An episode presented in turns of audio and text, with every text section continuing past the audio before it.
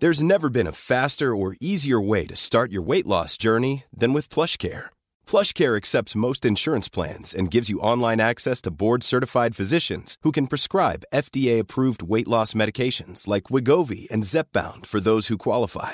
Take charge of your health and speak with a board-certified physician about a weight loss plan that's right for you. Get started today at plushcare.com slash weight loss. That's plushcare.com slash weight loss. plushcare.com slash weight loss. Cool fact a crocodile can't stick out its tongue. Also, you can get health insurance for a month or just under a year in some states. United Healthcare short term insurance plans, underwritten by Golden Rule Insurance Company, offer flexible, budget friendly coverage for you. Learn more at uh1.com. Hey, it's Ryan Reynolds, and I'm here with Keith, co star of my upcoming film, If, only in theaters, May 17th. Do you want to tell people the big news? All right, I'll do it. Sign up now and you'll get unlimited for $15 a month in six months of Paramount Plus Essential Plan on us. Mintmobile.com slash switch. Upfront payment of $45 equivalent to $15 per month. Unlimited over 40 gigabytes per month. Face lower speeds. Videos at 480p. Active Mint customers by 531.24 get six months of Paramount Plus Essential Plan. Auto renews after six months. Offer ends May 31st, 2024. Separate Paramount Plus registration required. Terms and conditions apply if rated PG.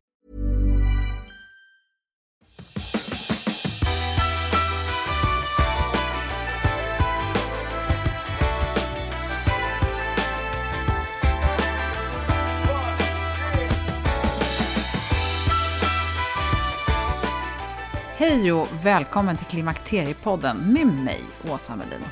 Lite extra stolt är jag nu efter att ha blivit utsedd till månadens klimakteriekvinna av Klimakterieportalen.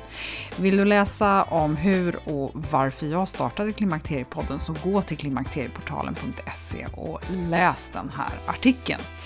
Eh, om du inte har varit inne på deras hemsida tidigare så kan jag varmt rekommendera ett besök. Du hittar dessutom massor med intressant information om det som intresserar oss som vill lära oss mer om klimakteriet och hur vi fungerar. Och dessutom så kan vi få personlig rådgivning och hjälp av deras kunniga barnmorskor. Lite längre fram i vår så kommer vi också träffa en av barnmorskorna, Lotta Hasselberg, som är en av eldsjälarna bakom Klimakterieportalen. I det här avsnittet så ska vi med hjälp av specialistläkaren Cecilia Tibell få högre kunskap om en massa intressanta samband mellan hormoner och signalsubstanser som påverkar oss, vare sig vi vill eller ej. Det är mycket kunskap.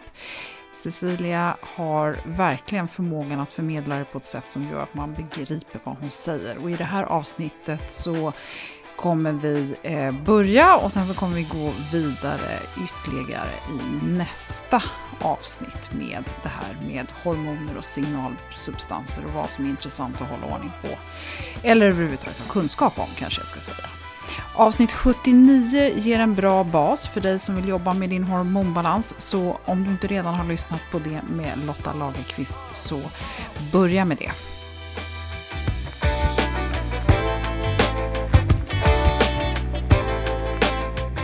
Cecilia Tibell, hjärtligt välkommen till Klimakteriepodden. Tack! Typiskt idag, lite hes och lite halsont. Det är ja. väl alltid så när man ska prata. Men kan en doktor vara sjuk? Ja, vi kan ju det. Ja, för du är läkare. Du är läkare både i specialist i invärtesmedicin och endokrinologi som det så fint heter när man kan allt om hormoner. Mm. Allt vet jag inte, men en del kan jag. Ja. Mm. Du eh, jobbar på Sankt Görans sjukhus med akutsjukvård och du har jobbat mycket med övervikt. Eh, du är med i ett privat, privat projekt och har startat To Heal nyligen, en mottagning där ni jobbar med helhetshälsa. Du är också utbildad inom alternativmedicin om man nu ska kalla funktionsmedicin för alternativmedicin. Ja, och det vet jag faktiskt inte om man ska göra. Jag skulle nog säga att funktionsmedicin är en utveckling av den skolmedicin som vi håller på med och det är eh, i övriga Europa och även eh, i USA en växande rörelse där man ändå tar sin bas i skolmedicinen men vidareutvecklar den. Tittar lite djupare och lite mer i grunden. Mm. Och en av finesserna med funktionsmedicin är väl också att man liksom börjar lite grann innan allt, man går till botten, man försöker inte dämpa symptom. Är det inte så man liksom brukar säga? Att man, man liksom försöker inte ta bort saker med medicin utan man försöker komma till botten med vad är roten till symptomen? Ja, man kan säga att man försöker titta på hela systemet. I eh, dagens sjukvård som ju är väldigt bra på många sätt och vis så har vi ju eh, lite som den är uppbyggt gärna hamnat lite i symptom och symptomlindring. Det här sättet att tänka kopplar tillbaka till den prekliniska undervisning som de flesta av oss doktorer gått igenom under de två och ett halvt första åren av vår utbildning. Där man kopplar tillbaka till cellens biokemi och hur cellen fungerar tillsammans i system som vår kropp ju är. Mm. Och, och, anledningen till att du har valt att göra den här vidareutbildningen, vad är det då? Intresse och sen kan man väl säga att eh, jag har ju träffat ganska mycket patienter genom åren. Mycket också för att jag har haft ett, ett stor del av det, mitt arbete har ju varit på akutmottagningen. Och eh, det i kontrast till när jag har jobbat med mottagningsverksamhet eh, där man får följa patienterna mer långsiktigt. Att se att även små förändringar kan ha väldigt stor inverkan på måendet. Mm. Och det är det du vill uppmuntra till med, med den typen av vård du kan ge då med funktionsmedicinen som komplement? Har jag fattat det Ja, jag tänker då, att vi har liksom gjort lite silotänk tyvärr och det här är ju en sjukvårdspolitik som driver det lite. Så vi delar upp allting i små silos och så tar den ena specialisten hand om det och den andra specialisten tar hand om det. Men många av de här systemen hänger ihop. Bara för att ta någonting så vanligt i min vardag som typ 2-diabetes så, så är det dels en sjukdom som har med blodsockret att göra men konsekvenserna av det påverkar en massa andra system som våran hjärt, våra hjärta-kärl, våra njurar, eh, syn och så vidare. Jag kan inte låta bli och, och nu, nu, hörde jag så sent, alltså nu precis har man ju börjat prata om, man har gjort en statlig utredning när man börjar prata om faktiskt att det kanske finns en, en anledning att kombinera alternativmedicinen in i den vanliga vården, att man liksom ska lägga in det precis som man gör i många andra länder i Europa. Och det låter ju som att vi är på väg åt rätt håll men än så länge är det någon som liksom rynkar på näsan eller ifrågasätter när du vill ta in ditt med funktionsmedicinska tänk i skolmedicintänket? Jag skulle vilja säga att så här att, att just det som jag säger där när man säger alternativ för det, att det är att sätta ihop alla saker som händer utanför sjukvårdssystemet i en hög och inte göra någon sorts urskiljning av vad det är vi pratar om. Och det i sig genererar ett problem. För, för mig är det här funktionsmedicinska tänket och biokemin, det faller sig helt naturligt. Sen finns det andra delar i den alternativa världen som jag kan känna själv en ganska tydlig skepsis till. Så att eh, jag tror att eh, det är bra att man öppnar upp men vi behöver också ha strukturer hur vi ska öppna upp. Mm. Okej. Nu eh, idag så ska vi egentligen prata om hormoner. Vi har ju pratat otroligt mycket om könshormoner vilket är ganska naturligt när man har någonting som kallas för Klimakteriepodden.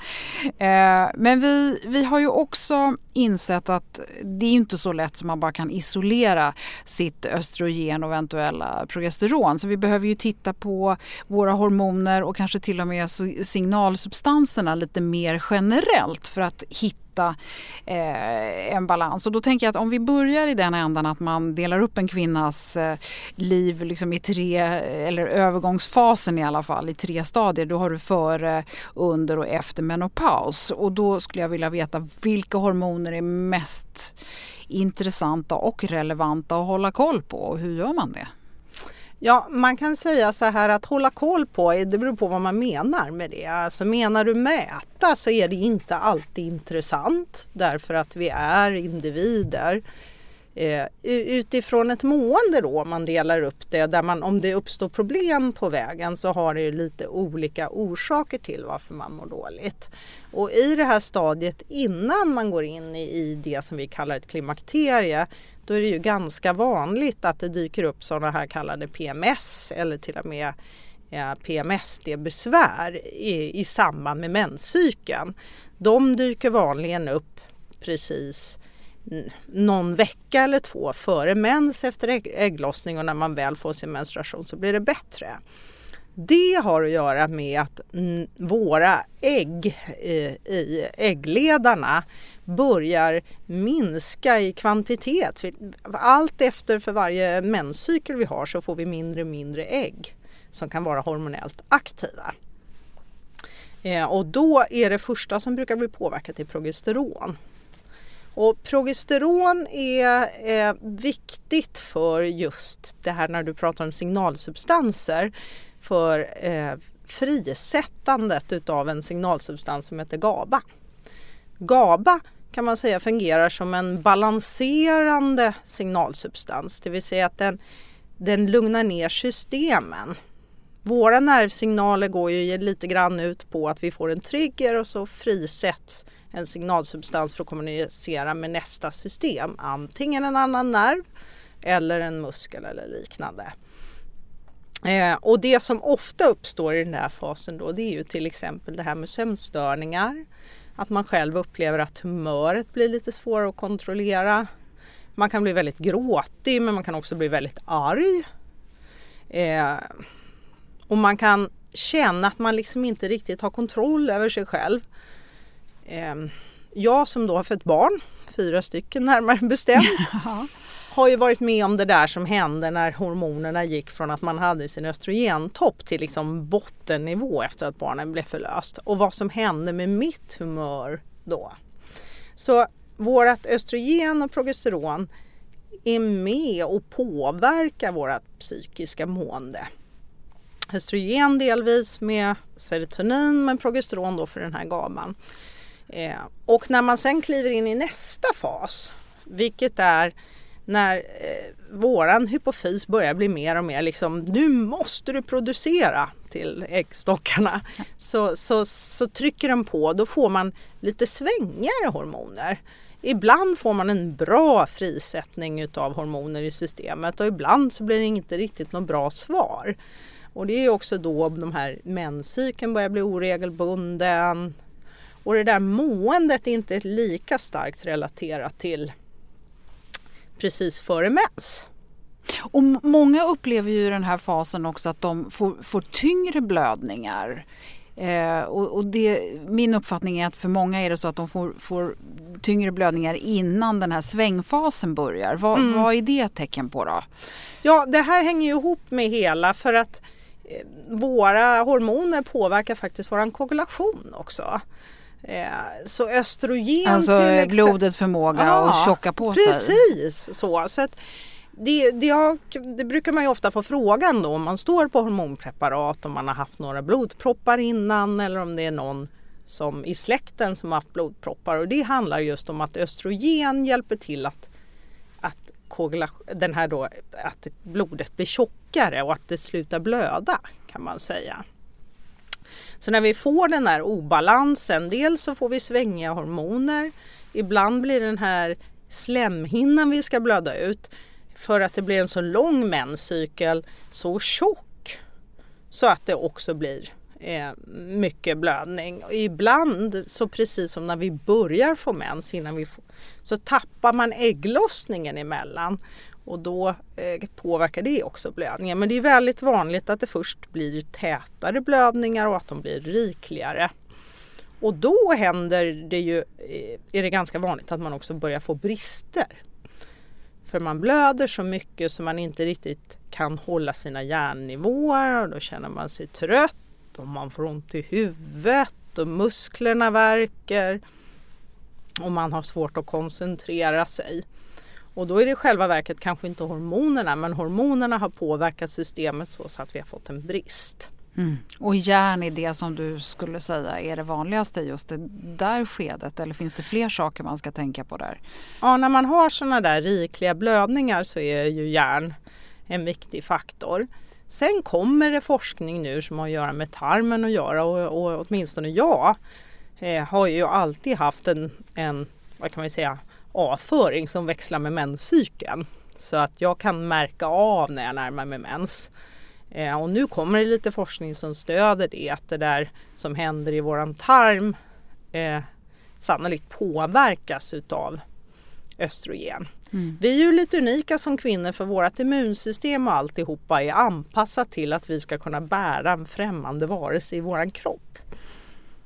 Så har inte männen det och männen har också den här liksom jämnare hormonnivåerna som, eh, som gör att det blir annorlunda. Mm. Men blödningarna sen, ja, för sen brukar ju mensen successivt glesas ut och så blir det istället mindre och mindre. Och det är då när våra hormoner verkligen börjar falla för att vi till slut ska glida över i det där som vi kallar menopaus. När vi slutar blöda helt.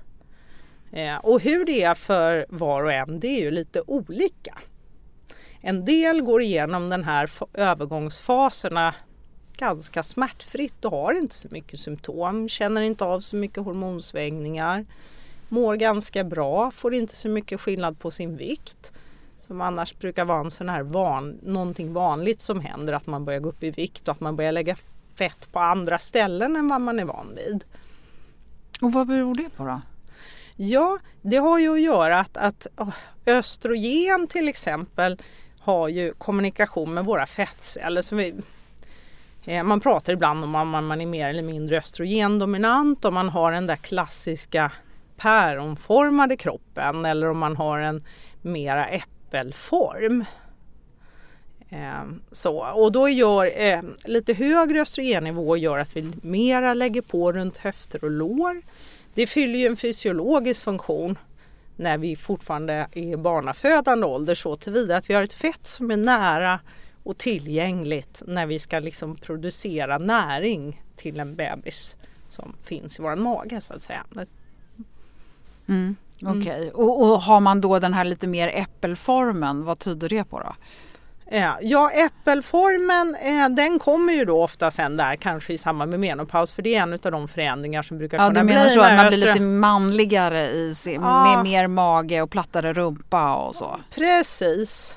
Eh, så att man får en och det där är vi lite, lite olika hur länge vi har mens så att säga och har en menscykel. Eh, hur pass mycket hormonerna påverkar. Det är precis som det här med män och testosteron. Vissa män blir skalliga för att de har så mycket testosteronreceptorer i huden och andra män får behålla sitt hår. En del får hår på bröstet och andra får inte. Så vi är ju individer så att säga. Mm. Det man vet däremot är att det finns faktorer som påverkar hur pass dåligt man mår i sitt klimakterie. Och där kommer sådana här saker som stress, sömn, vad vi äter, faktiskt våra sociala relationer, hur liksom emotionellt jobbigt eller inte jobbigt vi har runt omkring oss. Eh, vad vi har för arv med oss. Hade vi en mamma, mormor, farmor som kanske hade väldigt uttalade besvär eller inte. Och sen kroppsvikten där man sett att folk som är väldigt, väldigt tunna tenderar till att få mera klimakteriebesvär än den som, de som kanske har 2-3 kilo för mycket. Mm. Och det kan man då hänröra till att fettet i sig har lite mer östro, östrogenproduktion eller ja. hur fungerar det?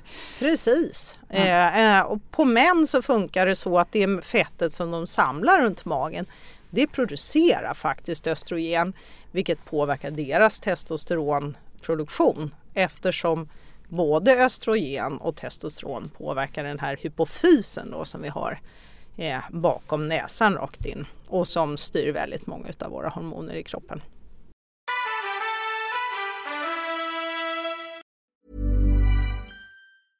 late bloomers tend to have more curiosity. They tend to have more resilience. There are stories and mythology that this country has woven around black men. What if everything we've been taught is just all wrong? What's worth more than this fear right now? And that rising after failure is part of the glory of being a human being. Listen to deeply personal, insightful, and thought provoking stories from the world's leading thinkers and doers. Listen and subscribe to The Unmistakable Creative wherever you get your podcasts. Quality sleep is essential. That's why the Sleep Number Smart Bed is designed for your ever evolving sleep needs. Need a bed that's firmer or softer on either side? Helps you sleep at a comfortable temperature? Sleep Number Smart Beds let you individualize your comfort so you sleep better together. JD Power ranks Sleep Number number 1 in customer satisfaction with mattresses purchased in-store. And now, save 50% on the Sleep Number limited edition Smart Bed for a limited time. For JD Power 2023 award information, visit jdpower.com/awards. Only at a Sleep Number store or sleepnumber.com.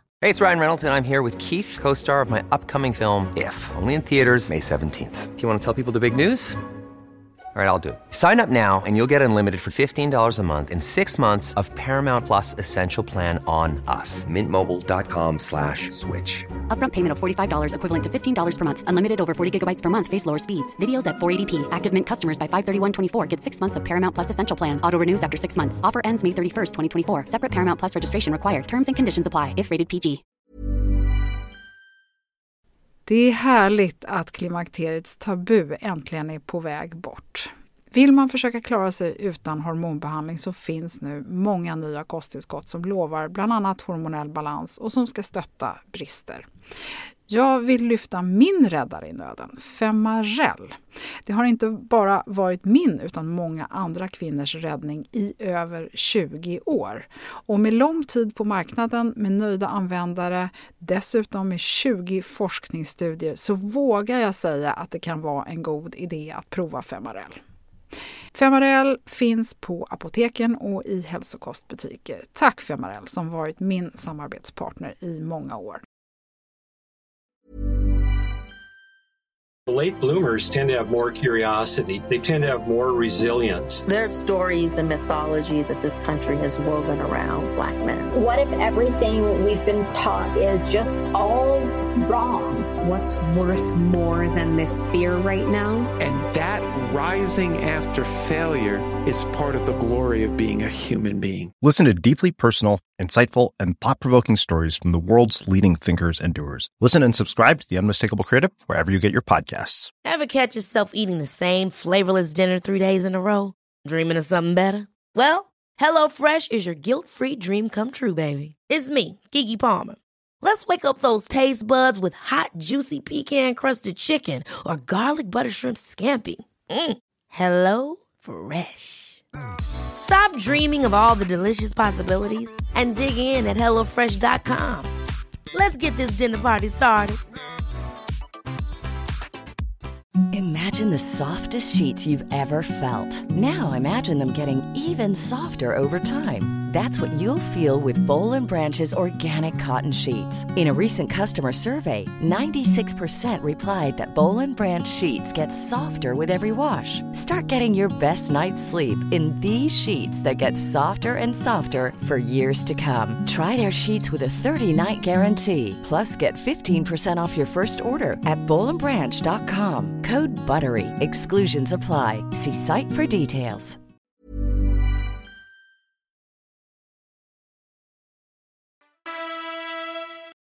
Ja men bra, då har vi fått lite koll på det. En, en annan sak som jag tycker är intressant det är ju då om vi fortsätter den här perioden efter. Nu har mm. vi pratat lite om, om eh, vad man kan förvänta sig före och under och kroppsformen efter. Va, vad händer mer då efter menopaus?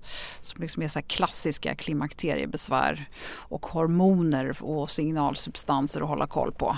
Ja, men då är det ju det där att när hormonerna börjar eh, så att säga gå ner och vi landar på en lägre nivå, så i resan där, så kroppen gillar ju inte stora förändringar.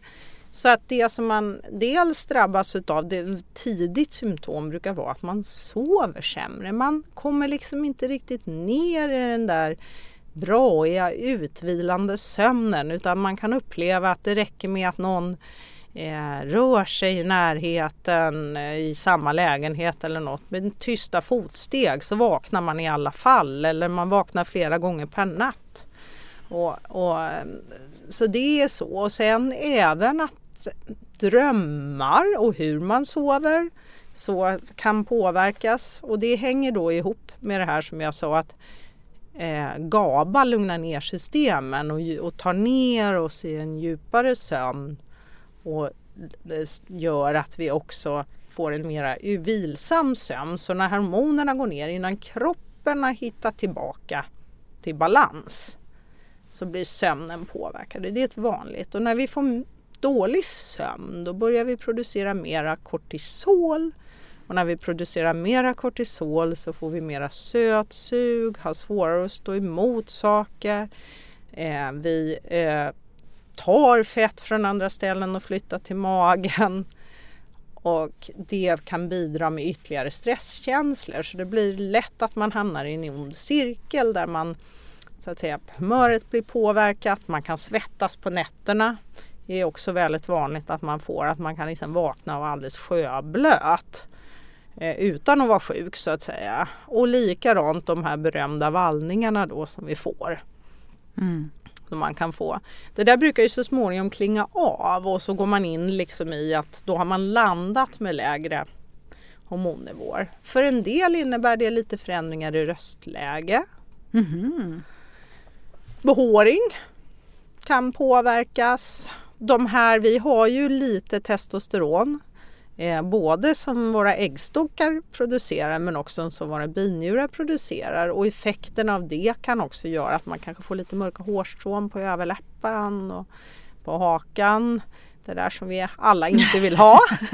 ja, och så, ja. så blir man förbannad på att folk omkring en inte säger till om man har haft ett sånt där ett tag. ja, ja, det också. Och jag, jag har sagt till alla mina närmsta bekanta att ser ni något som jag har missat, säg till. Ja, precis. Ja, Det är lite som att ha ett, eh, ett salladsblad på framtanden. Mm.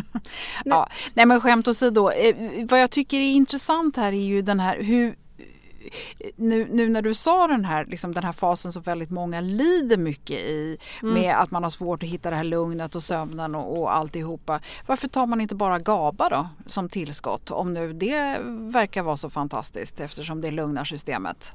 Ja, eh, då är det ju så här att fram till nyligen så kunde man inte det.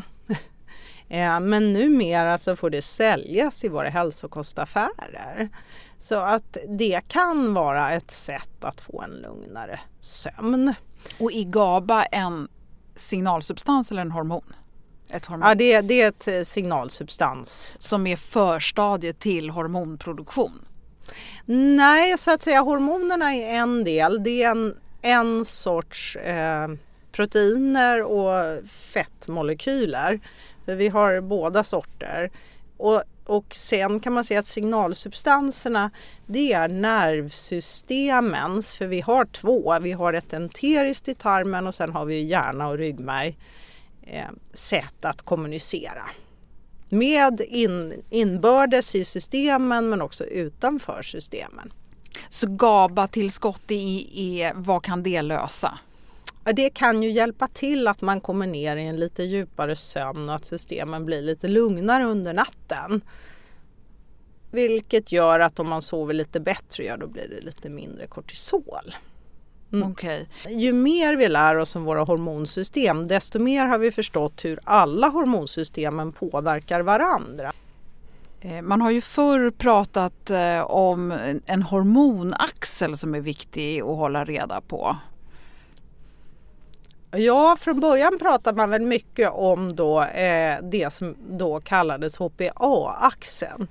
Eh, där man, eh, H står för hypotalamus som man kan säga är hjärnans kontrollstation mellan de hormonella systemen och eh, sig själv. Så, så att, eh, och hypofysen som då står i kontakt med hypotalamus som styr de, våra viktigaste hormoner.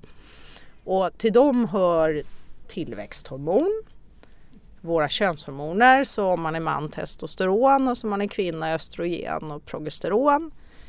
Sköldkörtelhormon. Kortisol och sen prolaktin. Prolaktin behöver vi egentligen bara när vi ska amma. Eh, men både män och kvinnor har så att säga celler som kan producera prolaktin. Och sen är det en del av hypofysen som är med och styr våran vätskebalans och eh, blodtryck och lite så. Mm. Eh, men den här axeln då, då HPA, den, det, då pratade man om eh, pituitary står, P står för pituitary som är hypofys och A för adrenal som är binjure. Och då såg man på samband mellan hur hjärnan signalerar till hypofysen till binjurarna. Numera har vi lagt till O och T till den där axeln.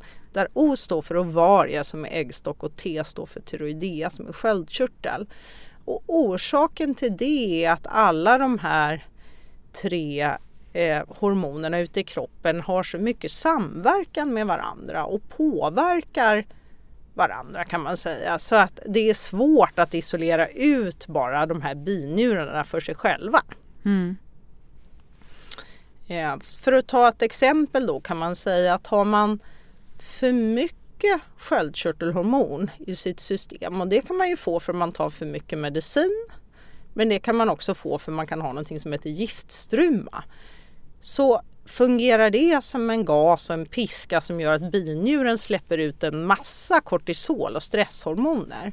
När de stiger så blir det så att då ökar omsättningen av sköldkörtelhormon så tillvida att man inaktiverar mera sköldkörtelhormon. Den både frisätter mer och inaktiverar mer. Så på så vis så påverkar den ena den andra kan man säga. Östrogen å andra sidan och sin tur påverkar hur mycket proteiner vi tillverkar i levern som ska bära runt alla de här hormonerna. Så förutom att vara en del av vår menscykel så har också östrogen effekter i hela våra system.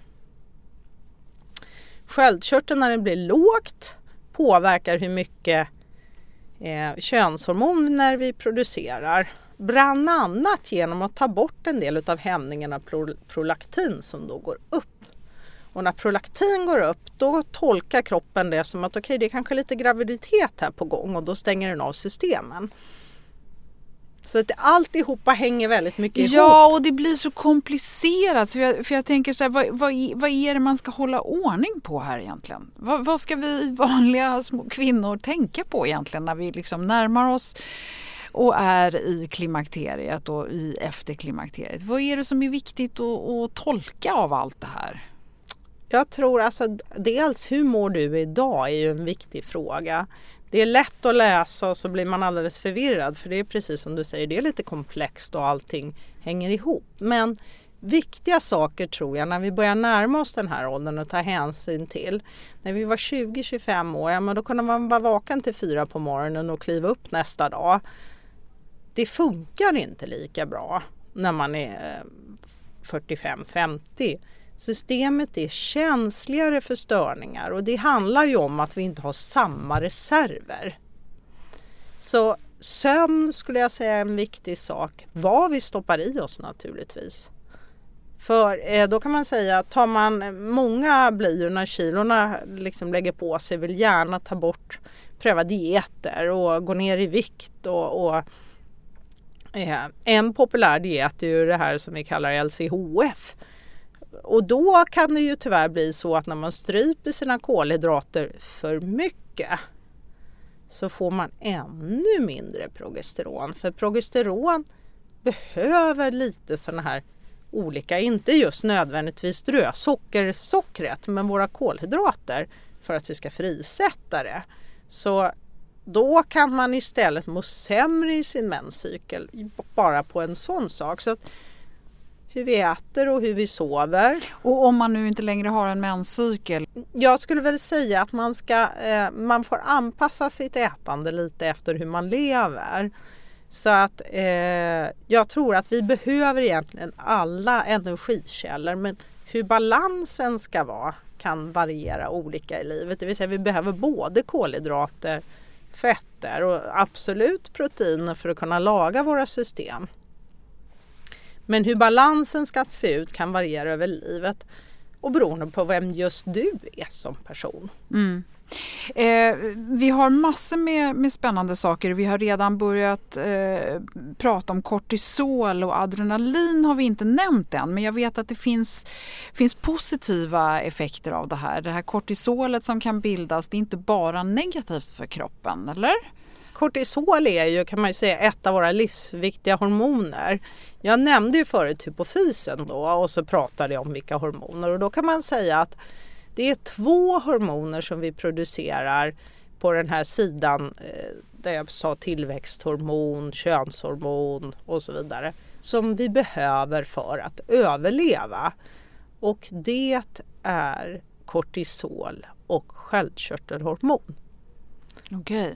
Utan dem så dör man de facto.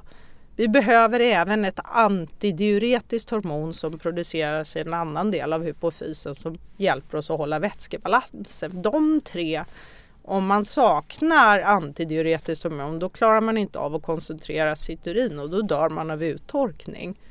Saknar man kortisol så kan vi inte höja vårt blodsocker. Vi kan inte förflytta energi även om vi har den till rätt ställen. Och effekten kan bli att vi hamnar i en, eh, med en mjölksyraförbränning som sen leder till det vi kallar en metabol acidos. Låter jätteknasigt men det går ut på att blodet blir så surt. Så där som, och om man då vet hur det känns när man får träningsvärk eller man får mjölksyra i muskeln så blir hela systemet surt och det kan leda till att man dör. Så att kortisol är jätteviktigt hormon men det är att ha det i balans. Ja, för kortisol är ju förknippat med stress och då tänker jag att det, det, är något farligt, att det är något fult, att vi ska vara på vår vakt. Men, men man behöver inte fundera så mycket kanske på sitt kortisol, eller? Man, man, jag tänker med alla hormoner så handlar det om balans. Ja. Eh, vi, vi ska nöja oss där för idag och så, så ska vi i nästa avsnitt så ska vi gå vidare och då ska vi börja prata om stress och sen så ska vi prata lite mer om det här med utmattning och vad som triggar vissa saker och eh, vi ska också komma in på andra intressanta hormoner som, som eh, är viktiga för oss och som mer eller mindre kan stöka till det i våra system. Så jag tackar dig för idag eh, Eh, Cecilia. Tusen tack för att du kom till Klimakteriepodden. Det ska bli jättespännande att fortsätta det här samtalet. Okej, tack för idag.